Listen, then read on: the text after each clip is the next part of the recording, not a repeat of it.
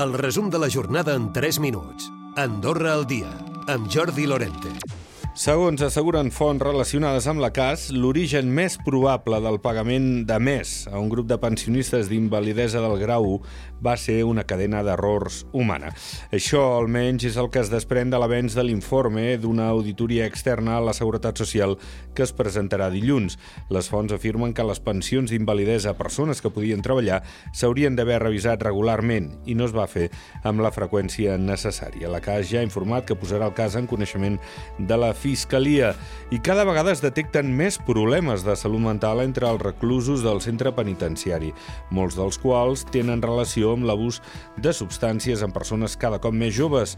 N'ha parlat el director del centre de la Comella, Miquel Àngel Garcia. Amb el que és la població de reclusos preventius i penats, sí que s'ha detectat també un augment de, de, de problemes de salut mental derivats de, d'addiccions, que, que, que al final es detecta pues, problemes d'esquizofrènia, de trastorn mm, bipolar, de la personalitat, i realment sí que, eh, bueno, jo porto 25 anys a la casa, sí que veus un augment darrerament d'aquestes patologies. Els habitatges d'ús turístic són els que més expedients sancionadors van rebre l'any passat. En total es van obrir 35 i dels 30 sancionats tots són d'aquesta tipologia.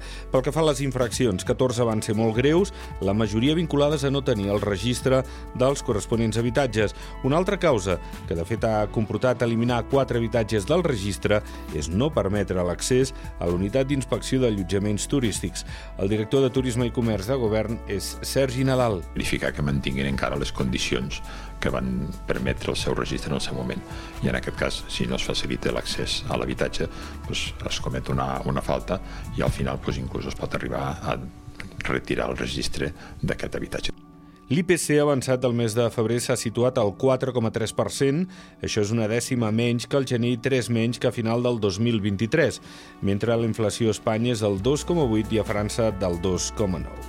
Els ciberdelinqüents cada cop ataquen de manera més sofisticada, sobretot amb l'aparició de la intel·ligència artificial. Qui més pateix els atacs són les petites i mitjanes empreses. Aquest divendres n'han parlat una seixantena d'experts que han participat en la segona jornada de ciberseguretat.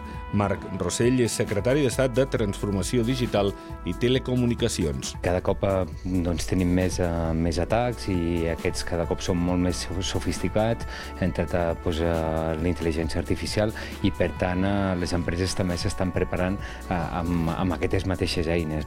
Els pagesos catalans han aixecat els talls de la C14 després d'arribar a un acord amb la Generalitat, mentre des d'Unió de Pagesos destaquen que la feina està feta les converses amb la Generalitat diuen han donat fruit. S'ha aconseguit que el Departament d'Acció Climàtica inclogui les paraules agricultura i pesca. Recupera el resum de la jornada cada dia a AndorraDifusió.d i a les plataformes de podcast.